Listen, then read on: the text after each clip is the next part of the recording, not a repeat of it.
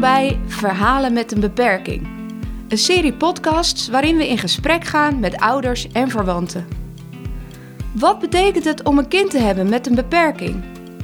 En hoe is de relatie met je broer of zus als hij of zij een beperking heeft? Verhalen met een beperking nemen we anoniem en zonder script op. Met als doel u als luisteraar mee te nemen in hun leven. Van tegenslagen tot blije momenten. We hopen dat je steun hebt aan deze bijzondere ervaringsverhalen.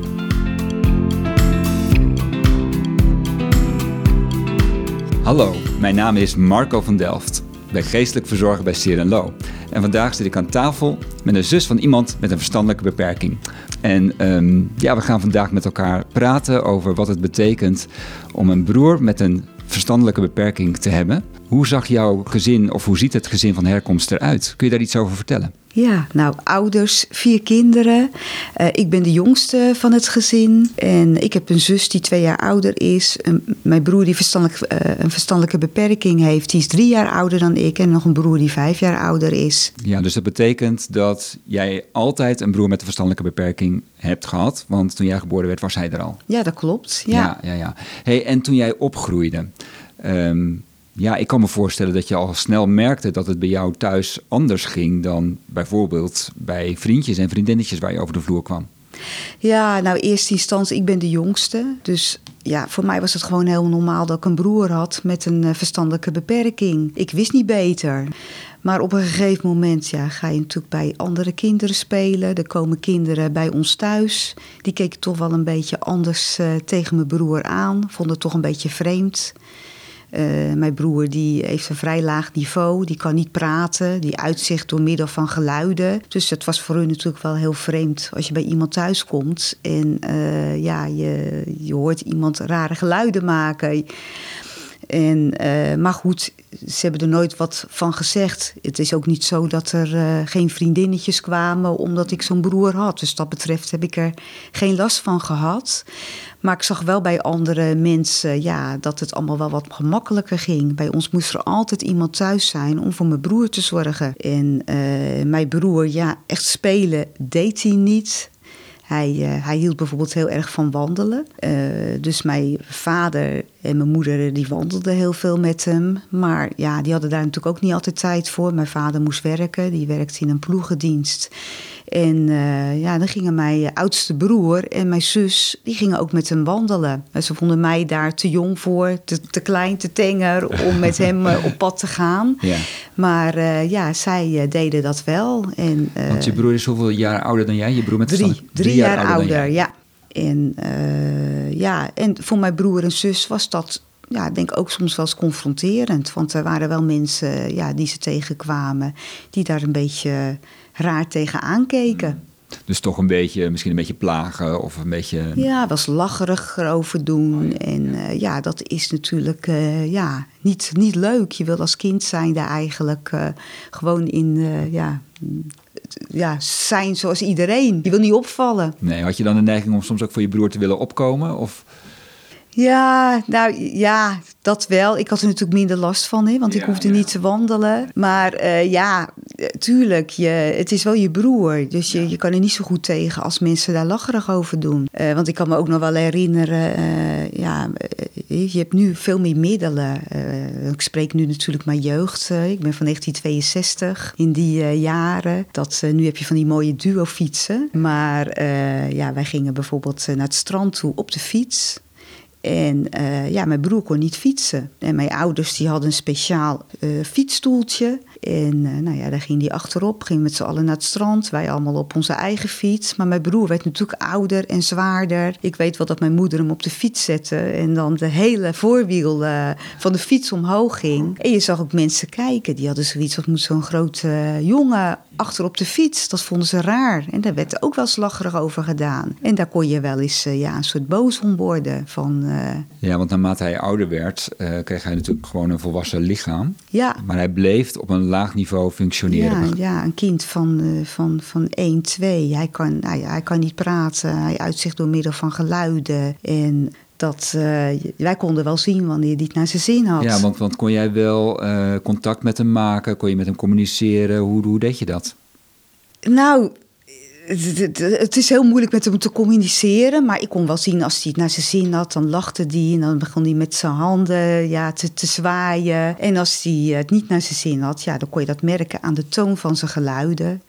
Wat ik me wel van vroeger herinner, dat, dat ik was bij hem in bed uh, ging liggen. En dan uh, ging ik op dezelfde manier met mijn hoofd ook uh, draaien zoals hij deed. En, dus ja, het was niet spannend voor je of zo? Nee, nee, nee. Ja, het was voor mij gewoon normaal. Ja, wat ik wel altijd heel erg irritant voor hem, van hem vond, als wij verdrietig waren. En dat we huilden, dan vond hij fantastisch. Dat vond hij leuk. Dan begon hij te lachen en dan ging hij met zijn gezicht heel dicht bij mij uh, uh, kijken. En hoe harder ik huilde, hoe meer uh, lol die had. En ja, dat vond ik echt wel, daar kon ik echt heel erg kwaad soms ja, om worden. Ja, dus dan ja. was je verdrietig en dan ben je kwaad omdat hij daar ja. zo positief dat hij dat leuk vond op een of andere ja, manier. ja. En waarom, die dat, ja, waarom dat zo was, ja, dat, dat, ja, daar kom je niet achter. Nee, dat werkte dan blijkbaar toch anders in zijn hoofd of zo. Ja, Ja, dat het deze reactie opriep. ja dat denk ik. Ja, ja. ja. Hey, want hoe heeft het jou gevormd? Want je vertelt al, hè, je bent de jongste, dus het was voor jou in feite normaal dat hij er was. Ehm, maar ik kan me voorstellen dat het wel invloed heeft gehad op wie je geworden bent, hoe je je ontwikkeld hebt en hoe je naar de wereld kijkt. Ja, zeker. Eh, je, weet gewoon al van jongs af aan dat het niet vanzelfsprekend is eh, dat je gezond eh, bent, dat je een gezond kind eh, krijgt. Dat heeft zeker ook later, toen ik zelf kinderen wilde, een, een rol gespeeld. Ik vond niet vanzelfsprekend dat ik gezonde kinderen zou krijgen. Dus dat, ja, Je wilde wel kinderen? Ja, ja, ja, zeker. Ik heb gelukkig drie gezonde kinderen gekregen, dus daar ben ik heel dankbaar voor. Dat is iets wat, eh, wat je van jongs af aan al eh, ja, er met de paplepel ingegoten krijgt. Je weet gewoon, eh, ja, het, is, het, het geeft geen zekerheid. Dus dat is in ieder geval één ding wat wel invloed heeft. Je hoort wel vaak eh, interviews op tv's dat mensen zeggen van ja, nou ik had dit nooit willen missen. Ik heb een broer die, eh, of zus met een verstandelijke beperking, maar dat heeft me zo verrijkt. Nou, het heeft natuurlijk wel een bepaalde verrijking. Hè? Dat je weet gewoon, eh, je staat anders in het leven. Maar ik moet wel zeggen, ik had wel liever een, een gezonde broer gehad. Dat had ik graag willen missen, die verrijking. Ja, dus het is bij jou wel anders dan de verhalen die je dan af en toe zo op televisie Ja. ziet. Maar ja, dan zie je ook vaak iemand met het syndroom van Down, met een ho- van hoog niveau, waar je ook echt eh, ja, eh, mee kan communiceren. En, en dat kan ik niet met mijn broer. Het is echt eenrichtingsverkeer. Precies, dus dat is wel een groot verschil. En is dat dan ook de reden dat je zegt van nou, het is niet alleen maar roze geur en maneschijn? Ja, precies. Ja, ja. En ja, je leeft toch ook met het verdriet van je ouders. Want mijn moeder vond het ook best wel moeilijk. Eh, ja, die had toch altijd te zorgen van als ons iets overkomt, wat gaat er dan met hem gebeuren? Wie kijkt naar hem om? Gaan jullie, als wij overleden zijn, eh, wel naar hem eh, omkijken? Gaan jullie op bezoek? Ja, je noemt het verdriet, want dat is wel wat, het, wat er is. Er is een voortdurend verdriet ook bij je ouders. Ja, ja, dat heeft altijd wel invloed gehad. Ja. En dat verdriet heeft te maken met. Ja, eh, dat, dat, ja, dat je een kind hebt waar je, waar je de zorg ook op een gegeven moment van moet afstaan hè, aan anderen. Dat moet je aan anderen overlaten.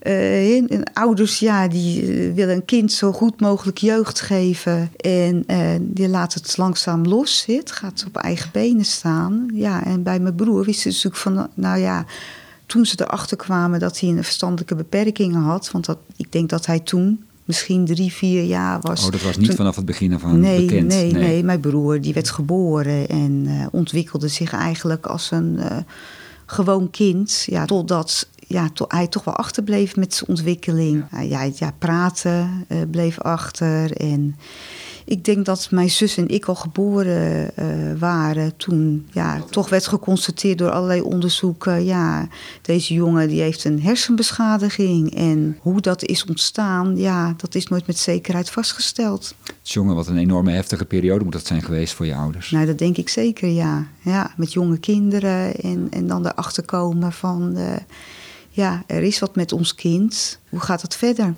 En dat verdriet, dat heeft dus, wat je net ook zei, heeft ook te maken met op een gegeven moment moet je het, de zorg overdragen.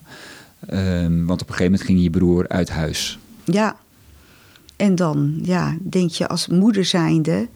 ik weet precies wat, uh, wat hij wil. Als hij dat geluidje maakt, hè, dan weet ik van... oh ja, hij heeft het naar zijn zin. Of juist niet. Kan een ander dat, kan, kan een ander dat ook herken, herkennen? Ja, uh, ja. Uh, weten ze precies wat, hij, wat hij dan wil. Ja, want jouw moeder, die, ja, die kon hem helemaal lezen, kan ik me voorstellen, je, ja. je broer. Ja. Was dat ook zo? Ja, die, die, die wist eigenlijk altijd wel uh, wat hij wilde. Ja, en uh, ja. En hoe ging dat dan toen, toen je broer uit huis ging? Uh, wat voor periode brak er toen aan? Want dat was wel een enorme verandering binnen jullie gezin, stel ik me voor. Ja, ja verdrietig, eerste instantie. Ja, dat. Ja, mijn moeder die heeft dat zo, zo lang mogelijk proberen uit te stellen. Maar goed, ja, ze waren al op leeftijd toen ze ons kregen. En uh, ja, mijn vader had op een gegeven moment, ja, die dacht wat verstandelijker van, van joh, we moeten wat gaan regelen. Uh, straks kunnen wij uh, niet meer voor hem zorgen. Hij werd ook wat lastiger, hij, wat dwangmatiger. Het ging allemaal wat moeilijker. Er was een, in die tijd lange wachtlijsten. Dus ja, er werd gezegd van joh, we zetten hem op een wachtlijst. En ja, dat gaat nog wel een paar jaar duren eer hij ergens terecht kan. Maar ja, dat bleek na drie maanden al plaats te zijn. Oh, in een groep uh, waar hij goed paste. En uh, ja, dat, daar had mijn moeder niet zo op gerekend. Dus ja. Dus ze had eigenlijk nauwelijks tijd om eraan te wennen dat haar zoon, jouw broer, het huis uit zou gaan. Ja. Omdat ja. die tijd ineens veel korter bleek te zijn. Ja, ja, en toen gingen ze ook kijken bij die groep. En mijn moeder had in eerste instantie, nee, hier past hij niet. Nee, die zijn, uh, Nee, dat, maar vanuit het oogpunt van je moeder was er misschien wel geen enkele groep waar die zou passen. dat vermoed ik, ja. dat vermoed ik. Maar ja, hij paste er achteraf natuurlijk heel goed. Het niveau waar hij uh, op zat en de zorg die hij nodig had, die werd daar gewoon gegeven. Ja, hoe oud was je broer toen? Hij was toen 18 jaar en ik was toen, ja, of zo wat 18. Okay. Ja, hij werd in die zomer 18. Hij is ergens in, in, in maart, uh, april is hij uh, zeg maar uit huis gegaan. En ik was toen 14 jaar. Ja, hoe is die periode geweest? Ja, ik denk dat je toch aanpast. Het is, ja, je wil ook niet uh, te lastig zijn. En uh, ja, je begrijpt het ook. Ik, ja, wij vonden het natuurlijk ook erg. Dat ja, je, je wil dat natuurlijk niet, dat je broer het huis uit gaat. Maar aan de andere kant, ja, weet je ook wel dat het goed uh, is. Of was toen de tijd. En je weet ook dat het achteraf heel goed is geweest. Ja, ja, ja. Ja. Ja. ja, want ik kan me ook voorstellen dat je op die leeftijd uh, er misschien niet eens zo over nadenkt. De dingen gaan dan zoals besloten wordt. Je bent ook met je eigen dingen bezig. Ja, ja. Maar goed, uh, je, je, hebt natuurlijk als, uh, als iemand dan zeg maar het huis uitgaat, mag je eerst een aantal weken niet op bezoek. Dat was in die tijd zo. Ja, en uh, nou ja, toen, toen we op bezoek mochten, was mijn vader toevallig met mijn broer op vakantie. Dat hadden ze nog nooit gedaan, maar dat was al heel lang gepland. Ja, en omdat het allemaal zo snel ging. Dus ik weet nog wel dat met mijn zus en mijn moeder voor het eerst bij hem op bezoek ging. Ja, mijn moeder vond dat echt moeilijk. En jij, hoe vond jij dat? Want je ging natuurlijk echt op bezoek, op ja, bezoek bij je broer het, die niet meer thuis woonde. Nee, en ik vond dat toch ook wel, uh, ja, ook wel spannend, maar ook wel een beetje eng. Want je wordt ook natuurlijk geconfronteerd met andere mensen met een verstandelijke beperking. Die jij misschien ook wel niet zo goed kan lezen nee. omdat je ze niet kent. Nee, want ik ben natuurlijk, ja, ik ben dan wel een zus van iemand met een verstandelijke beperking. Maar ik ben natuurlijk, dat wil niet zeggen dat ik met alle mensen om kan gaan uh, die dat. Uh, die zo zijn. Dat, daar moest ik ook best van aan wennen. Ja, je kwam ook ja. in een hele andere wereld ja. uh, terecht. De wereld vond, van het zorgpark. Ja, ik vond het ook soms wel een beetje eng. Ja, want er kwamen ook mensen op je af. En dat je denkt, hoe moet ik daarop reageren? Eigenlijk kwam ik ook een soort in een rol... wat misschien ook wel vriendinnen van mij gehad hebben. Dat ze bij mij thuis kwamen in eerste instantie... en dachten van, hé, hey, hoe moet ik hiermee omgaan? Dus uh, ja. Ja, de, dezelfde ervaring inderdaad... Ja. van wat vriendjes en vriendinnetjes vroeger bij jou thuis meemaakten. Ja, klopt, ja. En je ouders, leven die nog? Nee, die zijn allebei overleden. Ja, een aantal jaren geleden. Ja. Daarmee is je rol dan ook weer veranderd? Of hoe, hoe, ja. hoe ging dat? Want... Mijn ouders gingen altijd trouw op bezoek. Uh, ja, op een gegeven moment is mijn moeder naar een verpleeghuis gegaan. Dus uh, toen is mijn vader alleen, uh, ging altijd op bezoek. Gingen wij natuurlijk wel regelmatig mee. Maar mijn, ja, mijn, mijn vader, ja, die, die op leeftijd. Dus ja, toen hebben wij als kinderen gezegd... ja, we moeten die rol op ons gaan nemen.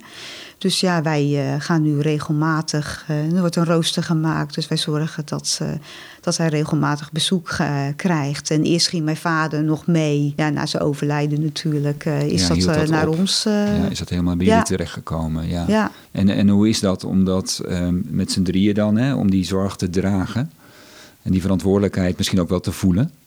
Ja, goed, het is natuurlijk leuker als je bij een broer en zus op bezoek gaat. Die, hè, waar je gewoon gezellig uh, met elkaar koffie gaat drinken, met elkaar gaat praten. Ja, waar het wat wederkeriger ja, is of zo, ja, gelijkwaardig. Ja, en hier, ja, je, de, mijn broer die houdt van, van vastigheid. Dus het is eigenlijk altijd een vast programma wat je afwerkt. Oké, okay, ja, ja en, met bepaalde uh, rituelen. Ja, ja. Ja. Want hoe ziet dat eruit?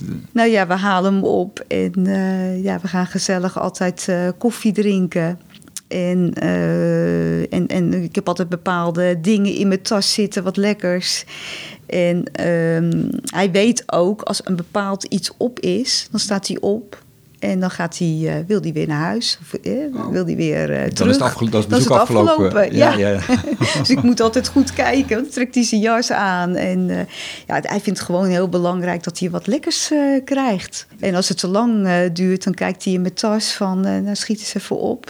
en als het heel lang vindt duren, dan wil hij nog wel eens opstaan en zijn jas aantrekken. En dan denk ik, oh wacht, volgens mij moet ik wat sneller zijn om hem wat te geven. Want...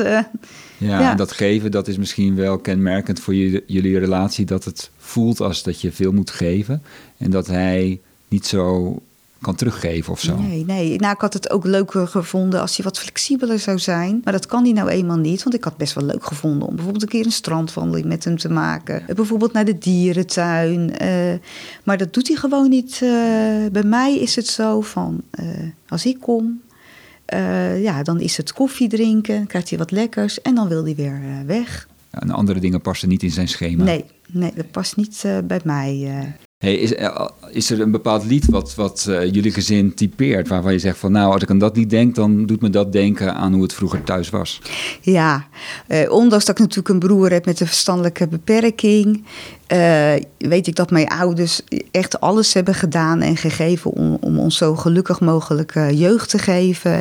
Mooi. Ik kijk er echt met veel plezier op terug, een geborgenheid. Ja, en als ik dan daaraan denk, dan moet ik ook denken aan het lied van eh, Rob de Nijs, Foto van vroeger. Oh ja. En dat ja. geeft dan toch ja, die geborgenheid eh, ja, die ik heb gevoeld in een plek mijn... waar je altijd naar terug eh, Ja. kunt gaan. Ja, Ja, ondanks wat je gebeurt. ja, precies. Oh, wat mooi. Wat mooi. Ja. Hier heb ik nog een foto van heel lang geleden. Maar als ik blijf kijken, dan wordt het weer heden. Gemaakt op de ochtend van mijn vijfde verjaardag. De kamer vol slingers, cadeau dat al klaar lag.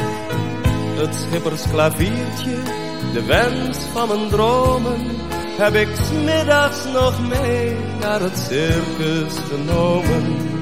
En brandweerman worden was het doel van het leven. Die dromen zijn over, het gevoel. Hey, wat hoop je voor de toekomst? Wat hoop je voor hem? Maar wat hoop je ook voor jullie zelf misschien? Ja, je, je ene kant, maar dat klinkt misschien wel heel hard, hoop ik gewoon dat hij ons niet overleeft.